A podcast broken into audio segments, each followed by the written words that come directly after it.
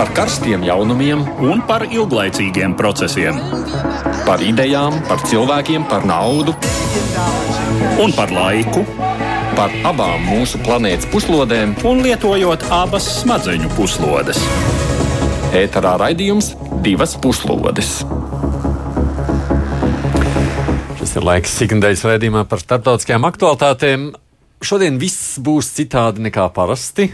Ir jau klāta gadu mija. Šis ir bijis ļoti raibs gads, lai gan droši vien jau tā varētu teikt par katru gadu.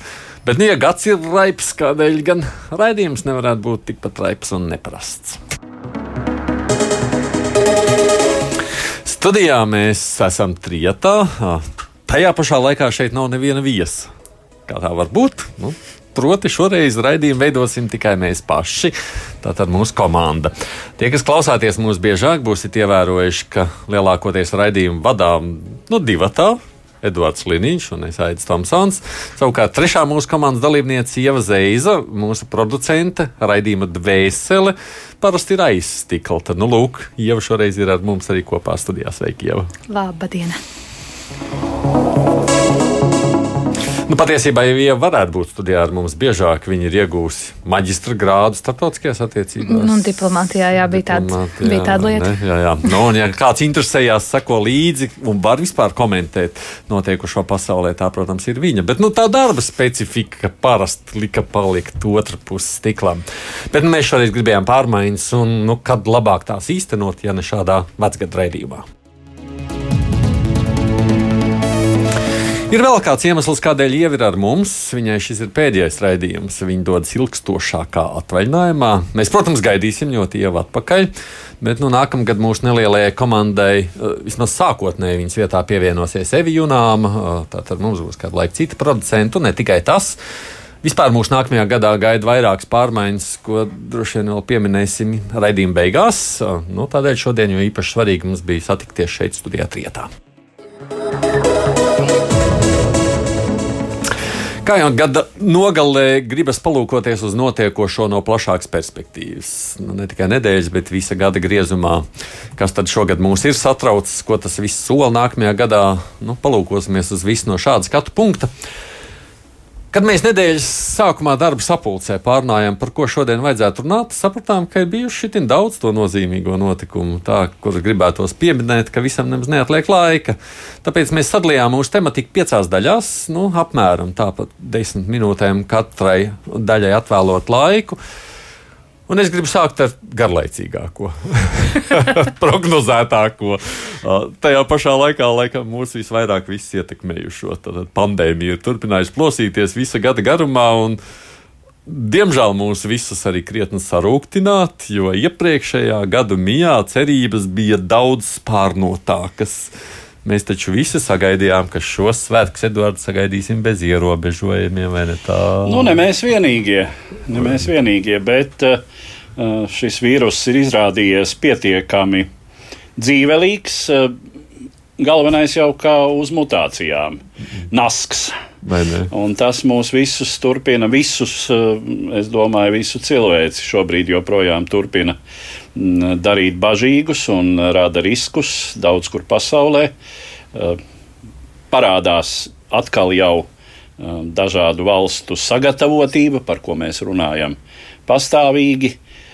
Un parādās, protams, arī tas, ka neviens nevarēja, nevar un nevarēja un nevar prognozēt šo notikumu gaitu. Un, attiecīgi, nu, protams, jebkura komunikācija, ar kuru nāk klajā kādas valsts institūcijas, varas struktūras, arī mediķi, nu, tā nekad neizrādās pilnīgi precīza. Un tā, protams, vairo, vairo augsni tam, ko mēs pazīstam ar vakcīnu skepsi vai radikālākajās izpausmēs, teiksim, antivakcīnismu. Jā, vai vispār pandēmijas noliedzējiem. Bet uh, īstenībā mēs šī gada laikā vismaz divus raidījumus, ja es pareizi atceros, veltījām tikai pandēmijai, nu tādam kā kaleidoskopam apceļojot, apskatoties, kā pasaulē ar to situāciju tiek galā, un vēl atsevišķi esam arī citos runājuši par šo pandēmiju. Mēs um, katram šim tematam jau arī piemeklēji tu kaut kādus ierakstus. Jā, Ko tu mums, š... jā. mēs paklausīsimies tagad uh, ierakstu no aprīļa. Tātad uh, aprīlis tas- Pavasaris. pavasaris Vēl tas cerīgs. Nu, patiesībā nemaz tik cerīgs Vairs nebija. nebija ne? vairs? Pat, nu, tajā brīdī mums bija ļoti, ļoti daudz problēmas Eiropas Savienībā. Eiropa tik šausmīgi kritizēta par to, kā mums gāja ar vakcīnu izplatību, vai ne, ka mēs, nu, tā kā ar visu to, ka mums bija iepirkts, mēs pie viņām netikām. Mhm. Un ā, te būs citāts no Vinetas Kleinbergas, ā, Latvijas ārpolitikas institūta asociētās pētnieces.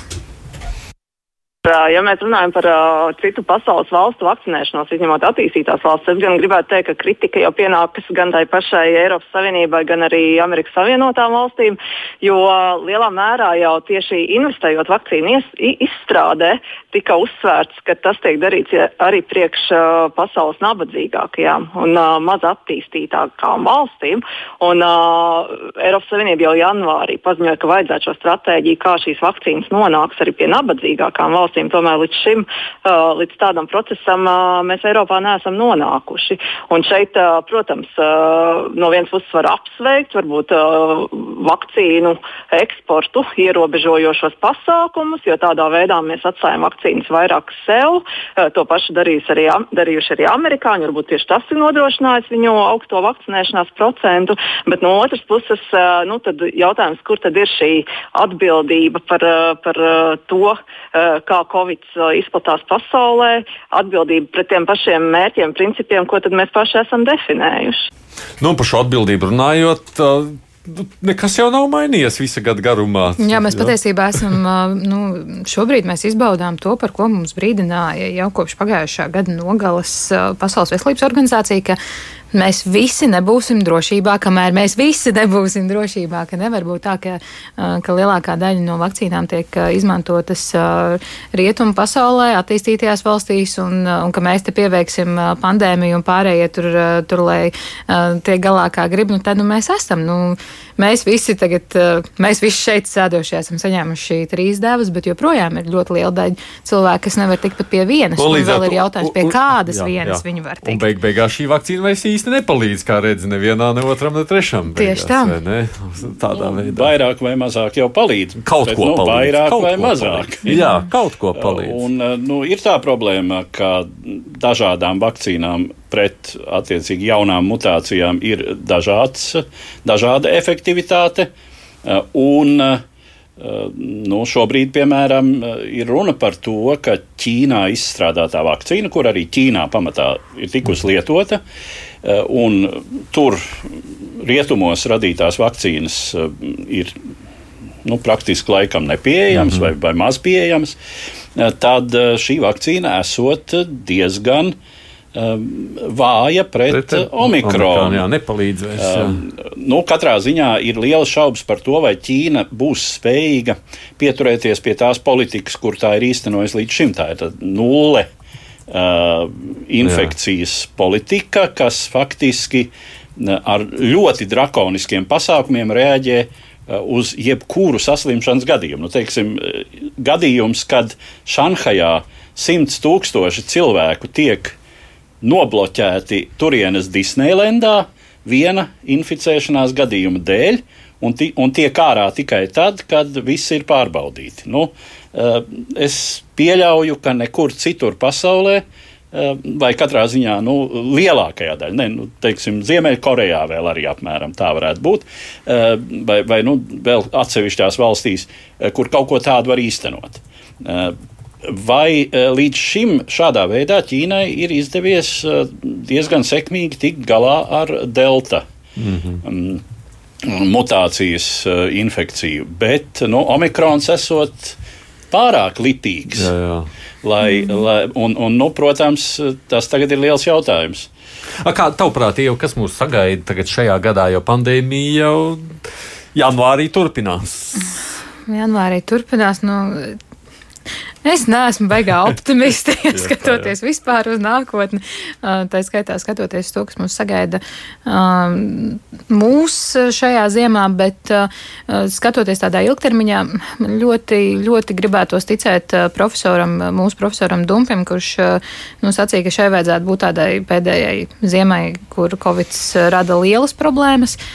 Es, es ceru, ka tā arī būs, un ka nākamajā ziemā varbūt mēs varēsim par nu, nākamgad, kad būs gada apskats, ka Covid nebūs pirmais temats, par kuru jārunā, un varbūt vispār nebūs temats, par kuru jārunā, ja mēs drīkstam pasapņot, bet nu, kopumā būs grūti, un kamēr mēs nu, arī nedalīsimies ar labajām vakcīnām, jā, jo mēs jau arī nu, tādi mhm. baigie, baigie labsirži, ko mēs ziedojam, ziedojam AstraZeneca, kuru Latvijā neviens negrib, neviens vai ne. Mums, man liekas, beigās Baig... vēl kaut kas, ah, nē, savukārt mums ziedoja Pfizer, jā. Nu, jā, jā, nu, jā, nu, jā, nu, diemžēl, diemžēl tā pasaule um, šādi, uh, teiksim, joprojām. Uh, apliecina to, ka mēs neesam vienlīdzīgi un, un dažādās valstīs ir, ir dažādi, nu, teiksim, runājot par to pašu Ķīnu.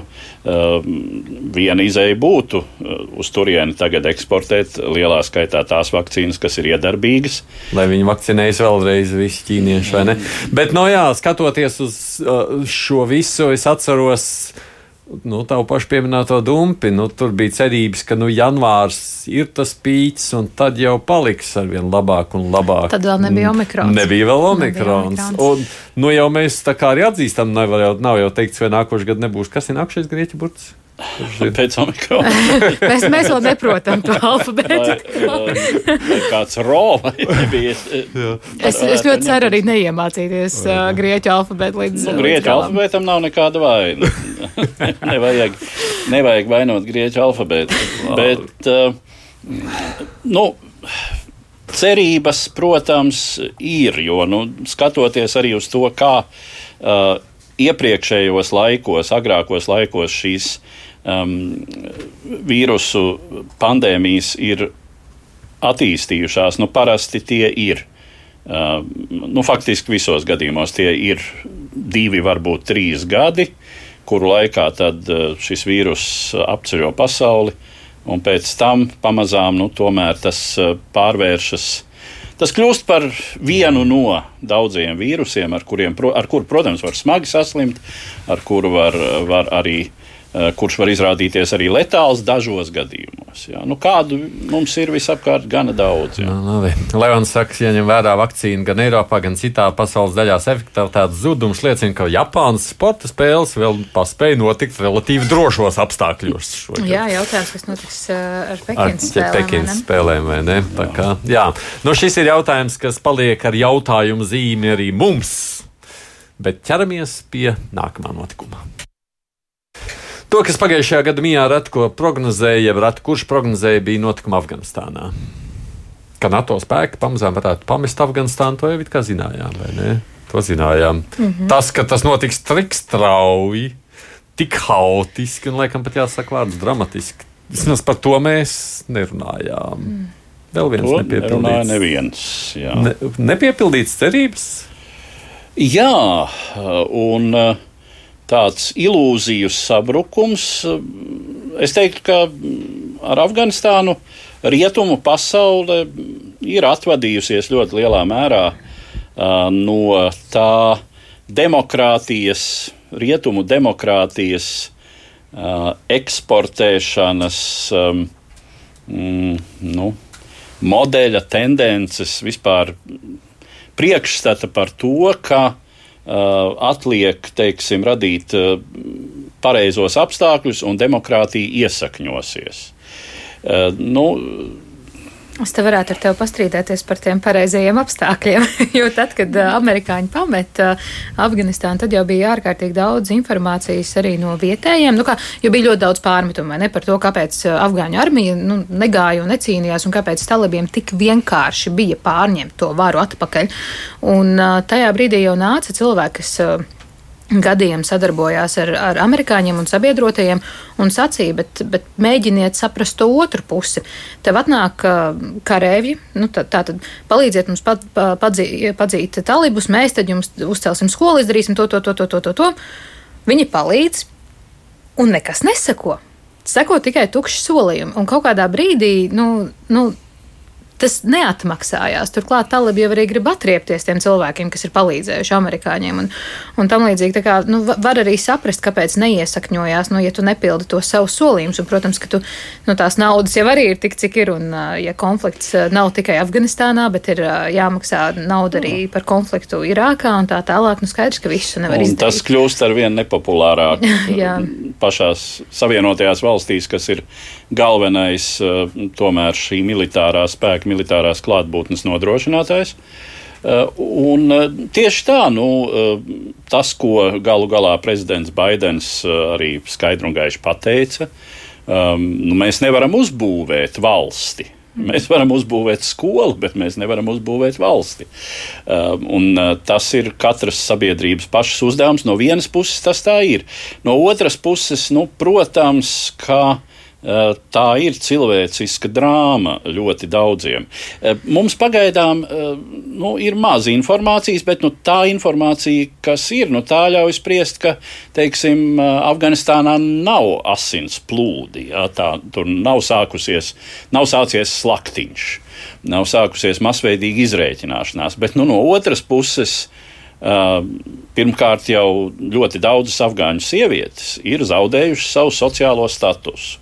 Uh, augstskolas pasniedzējs, uh, skolotājs. Nu, uh, nu pat šorīt es mm, ieskatījos konkrēti Al Jazeera telekanālā, un, un tur ir nu, nu, tādi, mm, jāsaka, mm, nu, sirdi plosoši fotoattēli, ka uh, skolotāja, kur ir visu mūžu nostrādājusi skolā, tagad uz ielas strādā par apaus podrinātāju. Un tas ir vienīgais, ko viņi var darīt. Ja?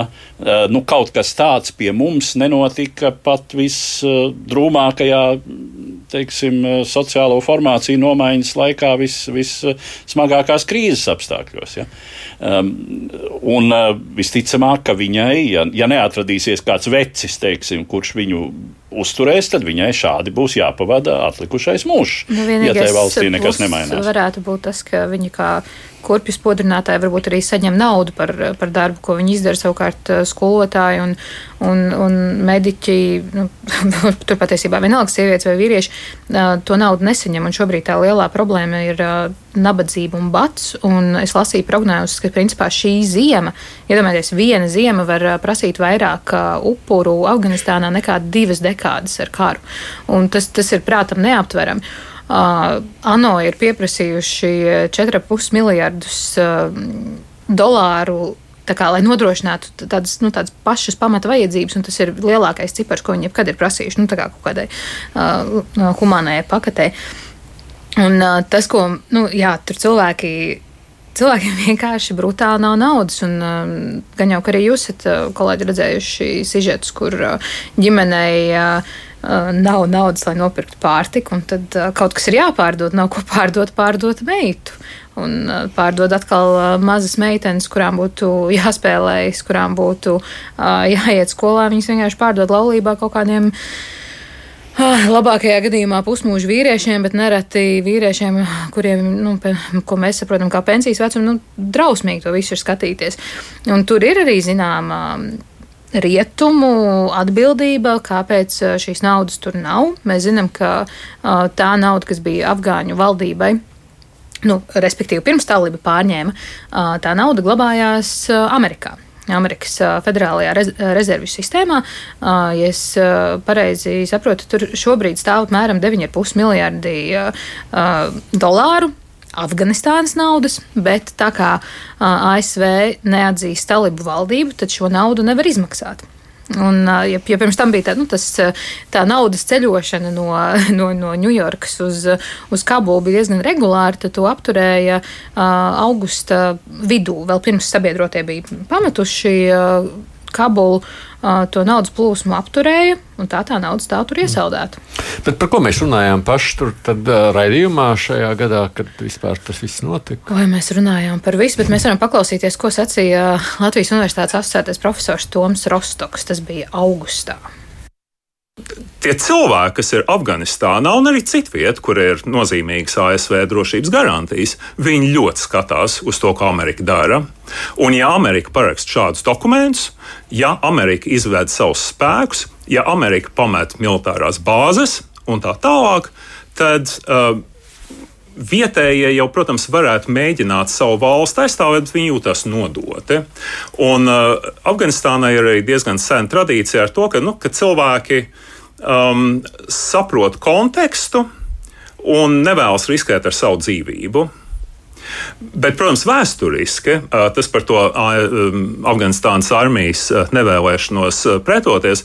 Nu, pēdējo 20 gadu gaitā viņiem ir 66,000 kritušo bijuši. Nu, tur, tur arī nu, nevajadzētu teikt, ka, ka, ka tā armija ir nekam nederīga. Tur ir ļoti daudz drosmīgu cilvēku, kuri patiešām ticēja tam, ko viņi dara. Protams, bija arī daļa, kas tam neticēja, bija arī cilvēki, kas bija iefiltrējušies. Taču beigu beigās ja audziņa tev nav samaksāta, ja tu jūti, ka Amerika patiešām iet prom, un ja tu jūti, ka tavs priekšnieks tev visticamāk nodos, tad tu labāk paņem naudu par tiem ieročiem, kurus tu dod tautiem, pārģērbies civilajās drēbēs un dodies prom. Nu, vienīgi šo tematu noslēdzot, ir tā, ka mēs par Afganistānu visvairāk runāsim tieši tādā humanās krīzes. Un es domāju, kontekstā. ka arī tādā rietuma atbildības kontekstā, jo tas ir tas, ko mēs, nu, ja lasa par un ap, tad tā kritika rietumiem, nu, protams, par to, kā viņa aizgāja, tas ir skaidrs, bet nu, tas ir. Nu, aizgāja, aizgāja, nu viss, bet šobrīd tas, kā tiek sodīta visa Afganistānas sabiedrība, nu, nu, tas ir diezgan nežēlīgi. Tā ir vairāk nekā pusi cilvēku trūkumā. Tur, nu, tas izskatās pēc ļoti, ļoti lielas krīzes. Un, uh, ir arvien vairāk to publisko saucienu uh, pēc tā, ka rietumiem ar ASV priekšgalā būtu jāatrod veids, kā, uh, nu, kā palīdzēt afgāņu sabiedrībai ar uh, naudu, jo mēs zinām arī to, ka Afgan Afganistānas uh, budžets uh, pirms talibi pārņēma varu, viņš jau pamatā sastāvēja no starptautiskās palīdzības. Tur bija ļoti maz naudas, ko viņi paši saražoja. Līdz ar to nogriezt to visu, tas, nu, tas ir drausmīgi. Un ka šādā veidā mēģinot palīdzēt šiem cilvēkiem, ka varētu nošaut vairāk uz acis ar vienu šāvienu, gan nodrošināt kaut kādu reģionālo stabilitāti, gan, gan arī varbūt cīnoties ar narkotiku tirgotājiem, kas Afganistānā, protams, ir ļoti populāri. Iespējams, novērst vēl vienu migrācijas krīzi, kas neapšaubāmi nāktu mūsu virzienā, ne jau kaut kur citur. Un, protams, ka vienkārši izglābt miljoniem cilvēku dzīvību. Vārds sakot, tev būs, Edvards, ko skatīties Alžēzīras kadriem. nu, jā, un ne tikai. Jā, Jā mēs uh, droši vien, ka uh, atkal paskatoties pagātnē, nu, uh, pasaule nav gluži tā, ka nu, pasaulē nebūtu pieredzes ar to, kā teiksim, palīdzēt cilvēkiem, palīdzēt patiešām nu, bada situācijā vai, vai kādā citā humānā krīzē, arī tad, ja režīms nav pieņemams. Nu, Galu galā mm -hmm. pat tai pašai bolševiku Krievijai uh, Pirmām kārtām ar uh, sarkanā krusta palīdzību savā laikā nu, tika sniegts atbalsts vismaz pārtiks piegāžu veidā, tad, kad tur uh, cieta bādu, lai gan šo režīmu vēl neviens īsti nebija atzinis. Ja. Mm. Nu, attiecīgi tām vajadzētu būt nodalītām lietām. Jā. Es ļoti, ļoti ceru, ka nu, tur nodalīs, jā, bet eh, pievienos klāt eh, kaut kā uh, noteikums par sieviešu tiesībām, par meiteņu tiesībām, par meiteņu mm. tiesībām atgriezties skolā. Jo nu, šobrīd tā situācija tur ir tāda mazliet īpatnē. Es zinu, ka mums ir jāiet uz nākamo tēmu, bet nu, tā situācija ir tiešām šobrīd par meiteņu skolām ļoti atkarīga no tā, kā uh, reģionālās vietvaras, vietējās skolas spēj sarunāt ar talibiem. Jo ir kaut kāda reģiona, kur meitenes ir atgriežušās skolās pilnībā, nu, kā, mm. gan pamatskolā, sākuma skolā, arī vidusskolā. Un ir vietas, kur vidusskolas ir vispār meitenēm aizslēgtas, un kaut kādi daži, daži desmit procenti ir atgriezušies pamatskolā. Nu, tā kā tas nu, nav Jā. tādas beigās sistēmas. Man ļoti nu, tāpat, tāpat runājot par presi. Uh, nu, nav tā, ka sievietes būtu pilnīgi padzītas uh, no medijiem un pat uh, teiksim, arī no, no televīzijas. -hmm. Televīzijas ekrānā joprojām parādās arī sievietes, lai gan uh, sieviešu žurnālistu skaits ir samazinājies šķiet par četrām piekdaļām, kur vīriešu žurnālistu skaits uz pusi.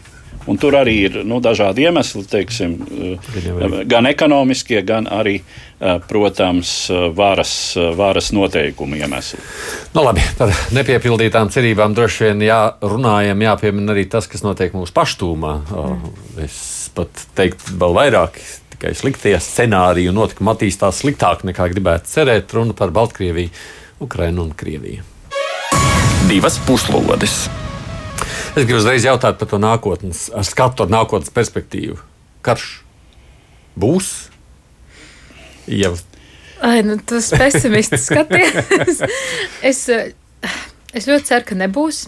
Bet um, man, man ļoti aizķērās tas, ko teica prezidents Zetlers uh, par to, cik reizes uh, Krievi var savilkt to savu armiju pie Ukrainas un neko neizdarīt. Mhm. Un, uh, tas man tā kā lika padomāt. Un, uh, Un, un tad es, nu, protams, gatavoties šodienai, bišķiņu vairāk palasīju, un uh, viena brīnišķīga pētniece, kuras vārdu, protams, aizmirsu, uh, aprakstīja, ka līdz šim um, ir bijusi uh, jāsakrīt pieciem punktiem, lai Krievi patiešām uzbruktu. Uh, viens ir jābūt nu, tādam kārtīgam ierosinātājam, ja mēs skatāmies nu, 14. gads vai ne Eiromaidans skaidrs, nu, kā, tur tiek nogāsts prezidents, kas ir prokremlisks un tā tālāk. Uh, uh, ir jābūt vietējiem atbalstam, kas neapšaubām Krimā bija. Nu, mēs, mēs varam man nav ilūzija par to, ka, tur, ka tas referendums bija godīgs, bet nu, skaidrs, ka atbalsts bija Krieviem.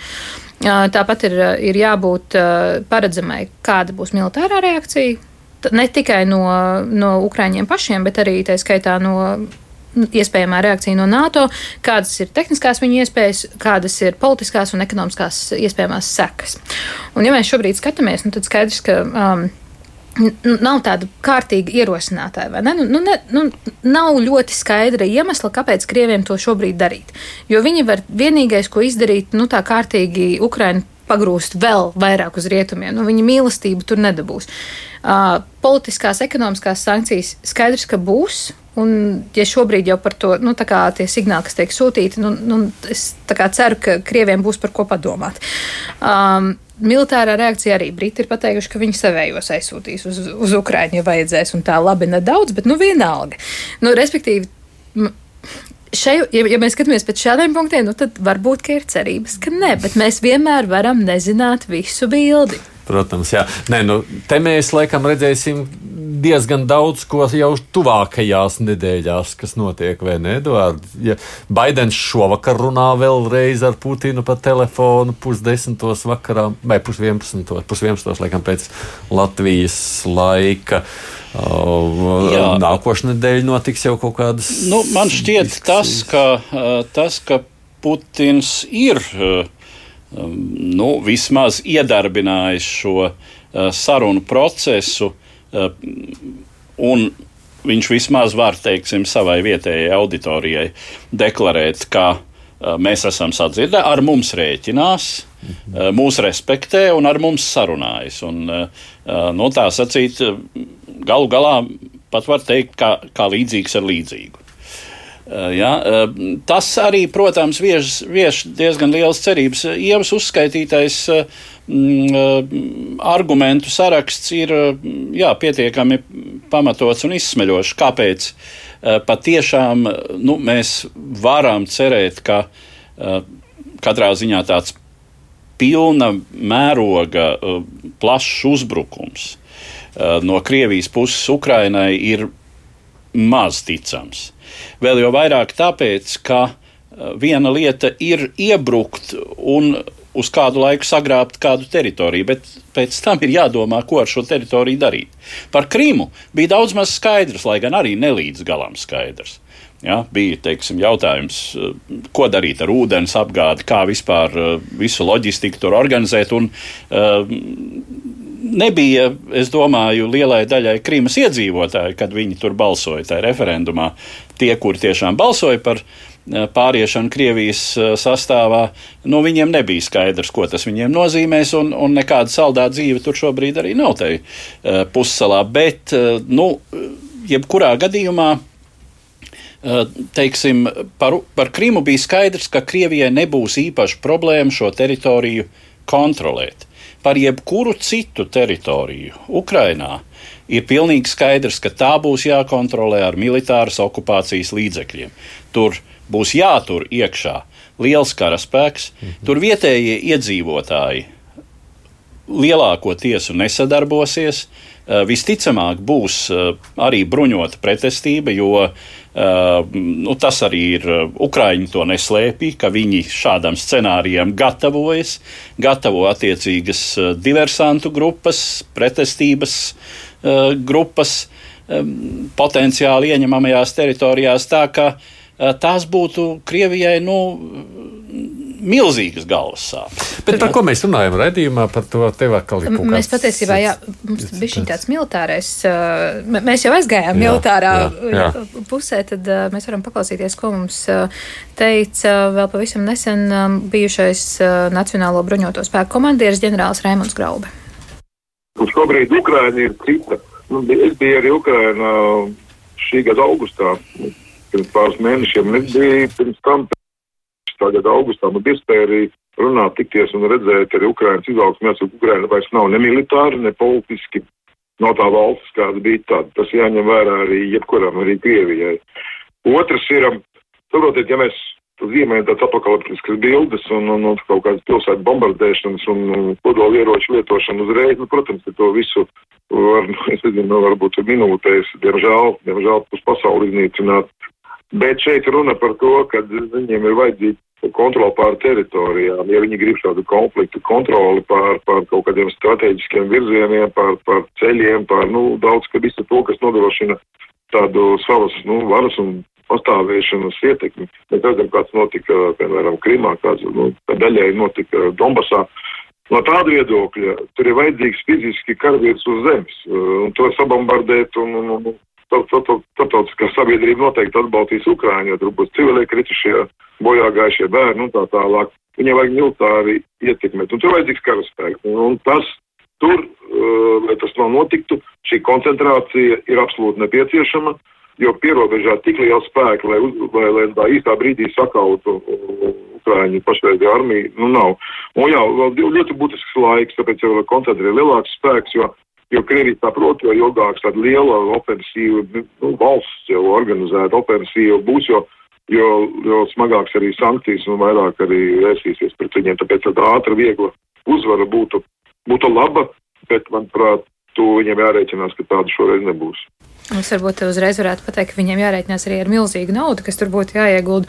Un nav tā, ka krieviem tās naudas būtu šausmīgi daudz, un turklāt tādam režīmam kā Putina režīms ir ļoti, nu, nu tomēr jātaisno savu mm. cilvēku, nu, viņiem ir jābūt atbalstam. Un šobrīd es nezinu, kā izstāstīt būtu tādam parastam krievu cilvēkam, kurš šodien saņem to pašu, nu, ja mēs skatāmies uz tādiem vidējiem IKP rādītājiem, ko viņš saņēma pirms desmit gadiem, kamēr, nu, salīdzinot ar Ķīnu, kur, piemēram, vidējais ir audzis ja trīs reizes.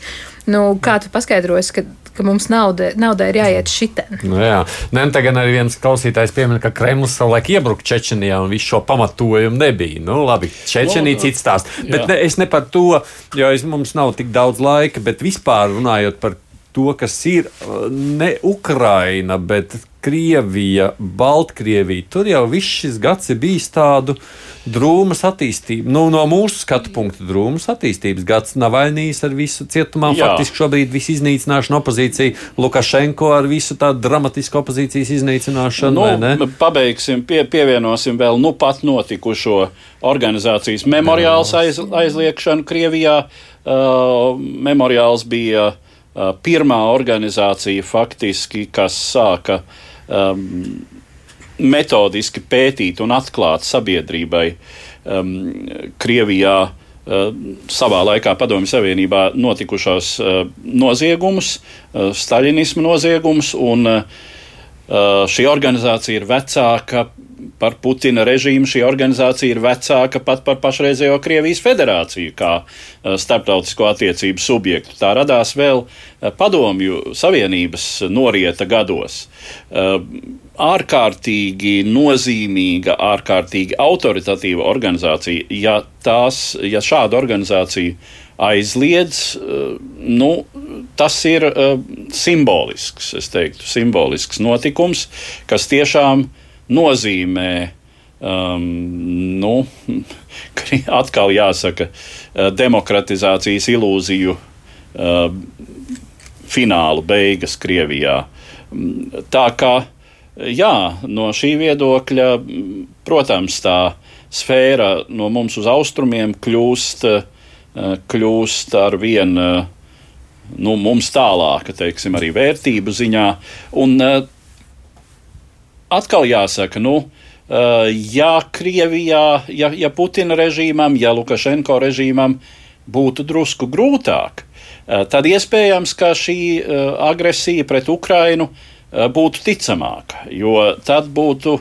Tad, tad to vajadzētu izmantot tāpat kā 14. gadā. Tas tika izmantots sabiedrības konsolidēšanai uz šīs urā patriotiskās platformas. Tātad mēs visi pret vienotu ienaidnieku. Tā kā savās mājās Putinam, nu arī Lukašenko ir izdevies noturēties pie varas un, jāsaka, nomierināt, lai cik tas skumji neizklausītos savu sabiedrību.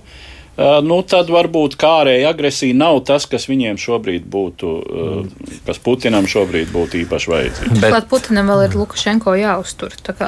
Tur arī nauda aiziet. nu, bet bet nu, tur izskatās, ka viņi šogad turpinās ar vienu, nākamgad turpinās ar vienu stabilāk viens otru stutēt. Nav nu, jau variantu. Kur, kurš vēl tur viens otru var stutēt? Viņam jau citu draugu daudz nav. Nu, tāds beigas drūms šis redzējums mums te sanāk. nu, ne, nekas priecīgs. Bet nu, nav tā, ka viss ir bijis tikai slikti pasaulē šajā gadā. tā ir tāda varbūt neveiksmīgā perspektīva, ka uzmanību jau pievērš vairāk tas neveiksmīgais, nevis labais. Tāpēc tie mēdī daudziem uzdara pesimismu. Bet, nu, lai nav tā, ka runājam tikai par negaidīto, pievēršamies arī tam, ko mēs pilnīgi noteikti zinājām un prognozējām divas puslodes. Es atgādinu, šeit studijā esam šī raidījuma visa komanda, jau Zeiza, Edvards Liniņš, Aits Tomsons, bet par to prognozēto runājot, te runa ir par Vāciju. Mm -hmm. Bet uh, droši vien jau varam pieminēt ne tikai Vāciju, vai ne? Tā skatoties Eiropas tādā politiskajā līmenī. Es vienkārši atceros pagājušā gada prognozēs, kad mēs runājām par to, ka viens no būtiskākajiem šajā gadā būs vēlēšanas Vācijā, vai ne? Sagādāja pārsteigumus nu, vēlēšanu rezultāti. Uh, Jāsaka, nedaudz, bet nu, tas iznākums, tātad Jā. valdība bez kristīgajiem demokrātiem, nu, tas ir zināms pārsteigums. Jā, šī, šī situācija, ka, nu, ka tas tā tiešām visticamāk būs, nu, tas tā kā noskaidrojās pašā beigās. Jā, nedēļā pirms vēlēšanām, tā varētu teikt, lai gan Protams, daudzi Vācijā, eh, cik man zināms, skatījās uz to tā, ka kristīgie demokrāti ir mazliet sevi izsmēluši. Jā, bet es skatījos savukārt to visu nu, atvada procedūru, Merkelēja ar to mūzikas uzspēlēšanu un, un to tādu smaidīgo kopā būšanu ar jauno kancleru un domāju, Bet paskatieties, 16 gadus viena ietekmīgākā pasaules nu, sieviete. Mm -hmm. uh, un tā aiziešana tik ļoti vienkārša. Nekādu ambīciju, nu, nekādu dusmu, nekādas. Nu, tādu, Bet arī nu, ar kādu cieņu, nu, es atvainojos zaudēt, jo tajā brīdī jau, kad bija skaidrs, ka Šalds būs tas, mm -hmm. kurš pārņems uh, viņas krēslu, nu, ka viņš tika ņemts līdzi uz tiem lielajiem samitiem. Es, nu, Man bija ļoti patīkami to skatīties. Jā. Man tiešām bija ļoti patīkami redzēt, ka cilvēks uh, ir, nu, ka liek valsti pāri partijai. Un tas ir beigas svarīgi. Nu jā, no Šalts galu galā taču bija Merkeles kolēģis uh, Protams. ilgu laiku, otrā, Nē. otrā persona valdībā. Tas arī taisnība. Jā, un, uh, un tā kā, un, protams, arī tas, ka ir skaidrs, ka nekas jau Eh, ļoti būtiski Vācijā nemainīsies. Eh, jā, pārmaiņas būs, bet eh, tās.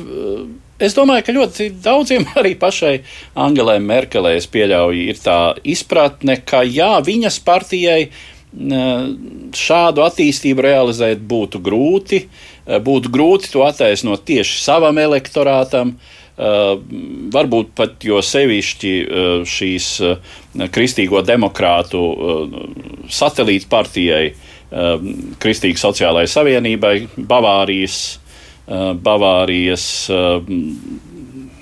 meitas partijai, ja mēs tā varam Jā. teikt.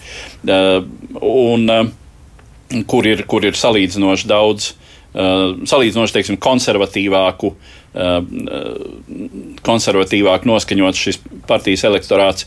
Uh, tā kā uh, acīm redzot, uh, nu, tās pārmaiņas, par kurām šobrīd runā, uh, ir uh, lielākoties uh, nu, prognozētas un, un, un vajadzīgas. Ja. Tu šajā kontekstā arī sameklēji kaut kādu ierakstu. Sameklēju, sameklēju, jā, jo nu, daudz tika runāts, protams, par to, ka nepareizais cilvēks tika izvēlēts kristīgiem demokrātiem līderu vietā. un Mēs varam paklausīties, ko par to teik, teica mums iepriekš Stradiņu universitātes profesors Andris Sprūts. Viens kļūda, es neesmu pārliecināts, vai tā bija kļūda, jo man liekas, ka Angela Merkele arī ir uh, gudra, slīpēta politiķe, kas man šķiet arī nemaz nevēlējās kaut kādu ļoti spēcīgu savu pēcteci. Es būšu mazliet arī ar vieglu cinismu dēvu, jo arī viņas pašas teiciens ir, nu, ja tu neizcīni vārdu, tu politikai principā arī nedari. Un man šķiet, ka, protams, ka Angela Merkel šeit arī skatās par kaut kādu savu mantojumu vēsturē. Un šobrīd viņa iet ar mantojumu vēsturi, ka faktiski viņa ir bijusi viena no kristīgo demokrātu no tādām vēsturiskām figūrām, kas var pārspēt arī Helmutu Kolu tajā ilgumā, ja tiešām viņa noturēsies līdz Ziemassvētkiem. Kas tā vien šķiet, ka šobrīd ir ļoti liels iespējas.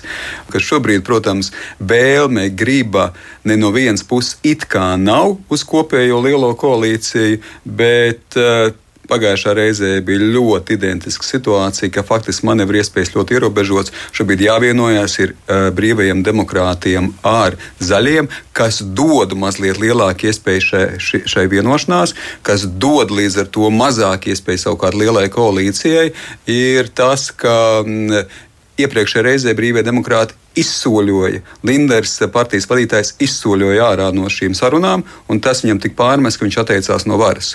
Un līdz ar to šobrīd absolūti uz brīviem demokrātiem ir spiediens, ka otro reizi to pašu atkārtot nedrīkst. un Tas, protams, ka rada lielākas iespējas, ka šī vai nu Jamaikas koalīcija, kas ietver sevi plus kristīgos demokrātus, bet man tomēr daudz ticamāk šķiet eh, šī te teiksim, tā Luksafora krāsa koalīcija, kas ietver sevi sociāldemokrāts, arī tā iemesla dēļ, ka Armīns Lašiets ir vienkārši nepopulārs Vācijā. Un Tas, ka pat kristīgie demokrāti ir zaudējuši pārliecinoši, bet tas, ka viņš ir nepopulārs, tas, ka arī teiksim, tās būtu lielā mērā iešana pret sabiedrības vairākumu, jo 67% uzskata, ka pār kancleri jābūt Olafam ā, Šolcam.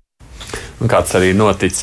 Starp citu, es jā, vairs pat laikam nepieminot tālāk Vāciju. Nav jau tā, ka bija arī citas valstis, kas nepievērs uzmanību ar kaut kādiem rezultātiem Čehiju, vai ne? Mēs redzam, tur tomēr arī ir pārsteigums vēlēšanu rezultāts, sacīsim tā. Bulgārija, man liekas, varbūt pārsteigums tādā ziņā, ka viņi nekur netiek uz priekšu. viņi, viņi tā arī nevar izveidot valdību, viņi tikai tā izkārties vēlēšanas un tur laik iesprūst tādā ziņā. Tā kā, nu, tādā politiskā ziņā nu, ir bijis visāds šis gads, bet un nākamgad, ko tam mēs tur skatāmies? Nu, nākamgad, ja mēs ļoti ilgi runājām par uh, tandēmu Merkele un Makrons, tad Jā. Nākamgad jautājums, kas tad Šalcam blakus stāvēs, vai tas būs Makrons, vai nu, šobrīd izskatās, ka otrā kārta Makronam varētu būt ar Valeriju Pekresu, es ceru, ka es apmēram pareizi izrunāju, no republikāņiem. Tāda konservatīvā lapēna izskatās, ka varētu nebūt tā. Viņai tā, tur tā, tā diezgan strauji tajās aptaujās viņš samainījās vietām. Um, nu, jautājums, vai viņi būs tā. Man jau personīgi pašai ļoti interesanti liekas tas, kas notiks Ungārijā, jo Ungārijā arī ir parlamenta vēlēšanas pavasarī vai no aprīlī vai maijā. Un uh, viņiem tur ir baigi interesanti, ka uz šito gadu. Viņiem ir uh, opozīcijas partijas apvienojušās uh, savā starpā, jo uh, Principā no 14. gada Ungārijā bija tāda brīnišķīga vēlēšana reforma, kas nozīmē, ka vairāk nekā puse no mandātiem nāk no vienmandāta apgabaliem. Un, uh, tur nav divas kārtas, tur ir viena kārta. Tev nav jābūt pāri 50%, lai dabūtu nu, to vietu. Tur, uh, tur pietiek ar, uh, ar vienkārši uh, to, ka tu esi populārākais kandidāts. un Līdz ar to uh, nu, tā, tā Ungāra opozīcija saprata, ka vienīgais variants, kā viņiem uh, cīnīties pret uh, Orbāna uh, partiju, ir apvienojot spēkus un uh, tās aptaujas arī. Uh, rāda šobrīd, ka viņiem nu, ļoti tuvu viņi ir viens otram, ka tur varētu būt ļoti interesanti. Mm.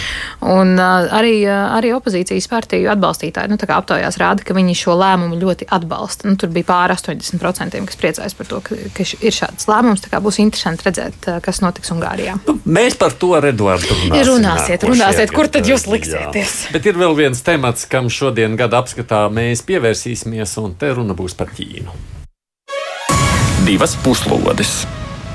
Mēs esam diezgan daudz vispār šajā gadā redzījumos runājuši par Ķīnu. Un jau šajā raidījumā paguvām. Jā. Bet, Edvards, tas ir pašam licies, ka tas ir svarīgi par to runāt. Jā? Nē, nu, nenoliedzami, nenoliedzami. Ķīna ir pēdējās pāris desmitgadēs nu, veikusi milzīgu izrāvienu. Un ievērojot to potenciālu, kāds šai valstī ir, neaizmirsīsim, tā ir viena, tā ir iedzīvotāju skaita ziņā joprojām lielākā viens pasaulē, jā. lielākā pasaules valsts, attiecīgi potenciāli lielākais tirgus. Nu, protams, Ķīnai vēl ir krietni, krietni teiksim, ko, ko censties un kurp tiekties um, vidējo um, dzīves līmeņa, iekšzemes koprodukta rādītāja ziņā uz vienu iedzīvotāju un tā tālāk. Tā vēl ir šai ziņā drīzāk attīstības valsts nekā attīstīta. Bet no nu, tajā pašā laikā, protams, milzīgas tehniskas iespējas un milzīga, milzīgi pieaugusi Uh, Ķīnas uh, proporcionālā ietekme pasaules ekonomikā. Tas nozīmē arī no perspektīvas viedokļa lūkojoties, un Ieva tev arī vienmēr šķiet svarīgi par šo tematu runāt. Jā, nu, man, man tā Ķīna patīk. tas, tas ir fakts, nu, nu interesanti, patīk. Un uh, te ir jāpiemina viena jubileja, kas nākamgad būs, būs desmit gadi kopš Sīdzīmpins ir kompartijas ģenerālsekretārs, kas ir, nu, tas, tas ir nozīmīgākais amats Ķīnā. Tas, ka viņš ir prezidents gadu vēlāk, tas, tas ir sekundāri. Ja? Tāpat tās svarīgākais ir kompartijas vadītājs. Un, principā, tas ļoti daudzi no tiem uzrāvieniem ir notikuši viņa, viņa šajā desmitgadē. Viņš ir ļoti daudz izdarījis, viņam ir bijušas ļoti lielas ambīcijas, un tā ietekme pasaulē, kas no Ķīnas nāk, un tā vairs nav tāda klusa un miermīlīga. Tā noteikti nav vairs miermīlīga. Tā nav miermīlīga ne ekonomiski, tā nav miermīlīga arī militāri. Mēs redzam, ka militāri arī Ķīna ir ārkārtīgi izaugusi. Mēs varbūt šeit varam uzreiz iespraust uh, citātiņu, no ko mēs arī runājām pirms kāda laika, ko mums sacīja Stradiņa universitātes docents Māris Anģāns. Jā, nu, šobrīd ir skaidrs, ka Ķīna vēl nav ASV līmenī, bet nu, faktiski jau ļoti tuvu daudzās spējās. Eh, protams, nav tik daudz aviācijas bāzes, kuģi nav tik labi, nu, lidaparāti, eh, vēl daudz lietas, bet eh, Ķīnai ir lielākie bruņotie spēki pasaulē, skaitliski, bet, nu, kā zinām, nevienmēr vairāk ir labāk. Viņi kļūst mazāki, spējīgāki, tiek attīstīts kosmosa spējas, nu, gan aizsardzības, gan uzbrukošās, zinām, gan transporta līdzekļa nosūtīšana uz, uz Marsu, gan nu, nosēšanās aprātu uz mēnesi tumšās puses, gan arī pašiem savus stacijas veidošana eh, Zemes orbītā, ļoti daudz lietas, ko Ķīna dara.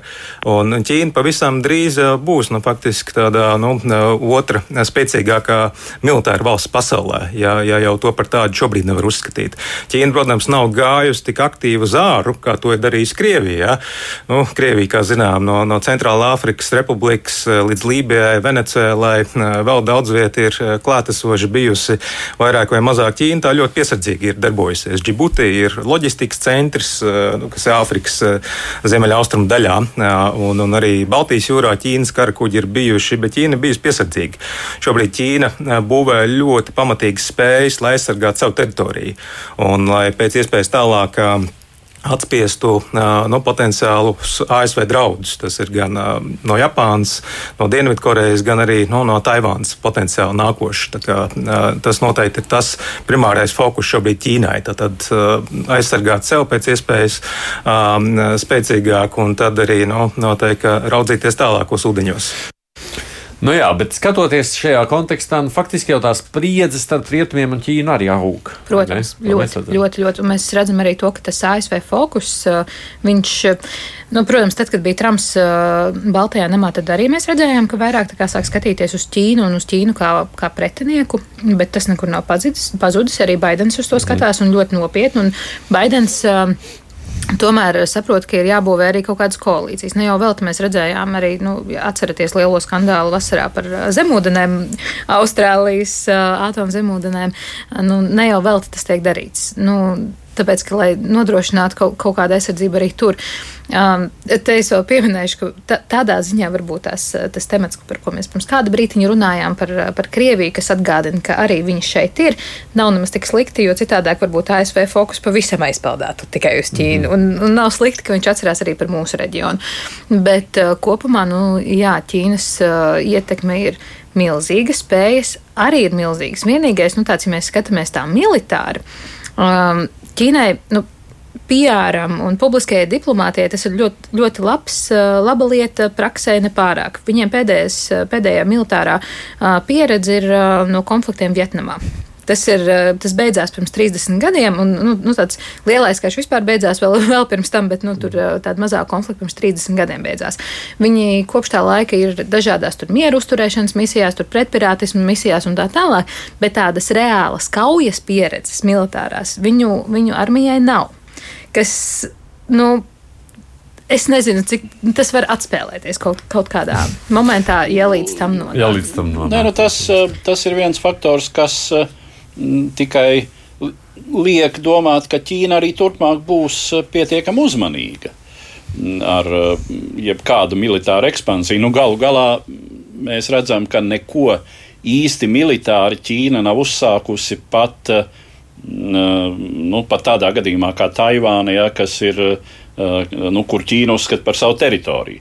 Jā, ir spēka demonstrējums, nu, kuram pretī ir tāds pats. Un, gan, kas tad ir tāda maza Taivāniņa pret milzīgo Ķīnu? Nu, Taivānai ir Savienoto valstu drošības nu, jā, jā, jā, garantijas un militārā klātbūtne.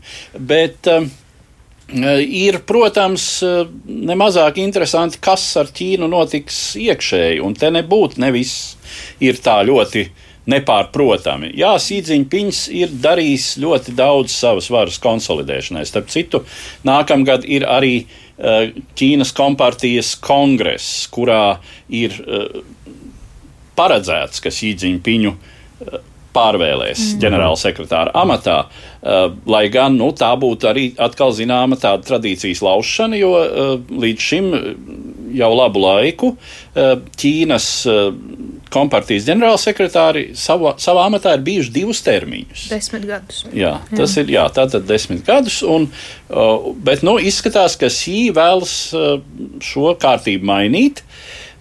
Viņa vāra kļūst līdz ar to mm, ar daudz izteiktāku šo autoritāro komponentu. Bet vai tas viņam izdosies? Nu, atkal, te mēs varam veidot zināmu apļa kompozīciju šim raidījumam. Mm. Uh, tas, kas, uh, tas, cik izdosies Sīdziņpinam, uh, ir lielā mērā atkarīgs no tā, cik neizdosies Ķīnā omikronam. Kad mēs par to runāsim? Kad mēs par to runāsim? Kad viņiem tas ir? Vasara? Ziema? Tas ir rudens. rudens. Tas ir šķiet septembris. Ir... Vispirms ir olimpiāde. Jā. Vispirms ir Pekinas olimpiāde. Pa, jā, ja, tā termi, ja termiņš viņam beidzas novembrī, tad, nu, tad iepriekš ir jābūt tām vēlēšanām. Jā. Un tas, ap citu, tas arī tāds interesants, nu, tā, tā viņa mm, vēlēšanās palikt tajā postenī ir jautājums, nu, vai tas neatspēlēsies arī slikti viņam un attiecīgi visai Ķīnai. Neredz, šā gada apskatā mēs esam arī iezīmējuši nākošā gada temats, par ko mēs runāsim. Protams, gan jau vēl būs citu. Noteikti. Bet, Ieva, tu mums pietrūksi. Jā, kā jau mēs raidījuma sākumā minējām, tā tad ievadots garāk atvaļinājumā. Bet ne tikai producentu maiņa, tā kas mūs sagaida no nākamās nedēļas, mēs tieši raidē neskanēsim turpmāk vairs ceturtdienās, bet gan trešdienās. Tātad no nākamās nedēļas jau divas puslodes būs šajā pašā laikā. Bet trešdienās, tātad dienu agrāk. Nu, tur ir vairāk tīri tehniski apsvērumi, kāpēc tas tā notiks, bet nu, tie no jums, kas klausāties mūsu lineārajā ēterā, tagad tas tā moderni saka, tas ir jāņem vērā. Bet mēs to atgādināsim vēl arī ēterā, būs džingliņu. Un... Jā, pašreklāma. Mēs ar Eduardu, protams, turpināsim stāstīt par notiekošo tāpat kā līdz šim vēlam pēc iespējas visiem mierīgāk jauno gadu. Viss. Jā, garlaicīgi jauno Labu. gadu. Divas puslodes!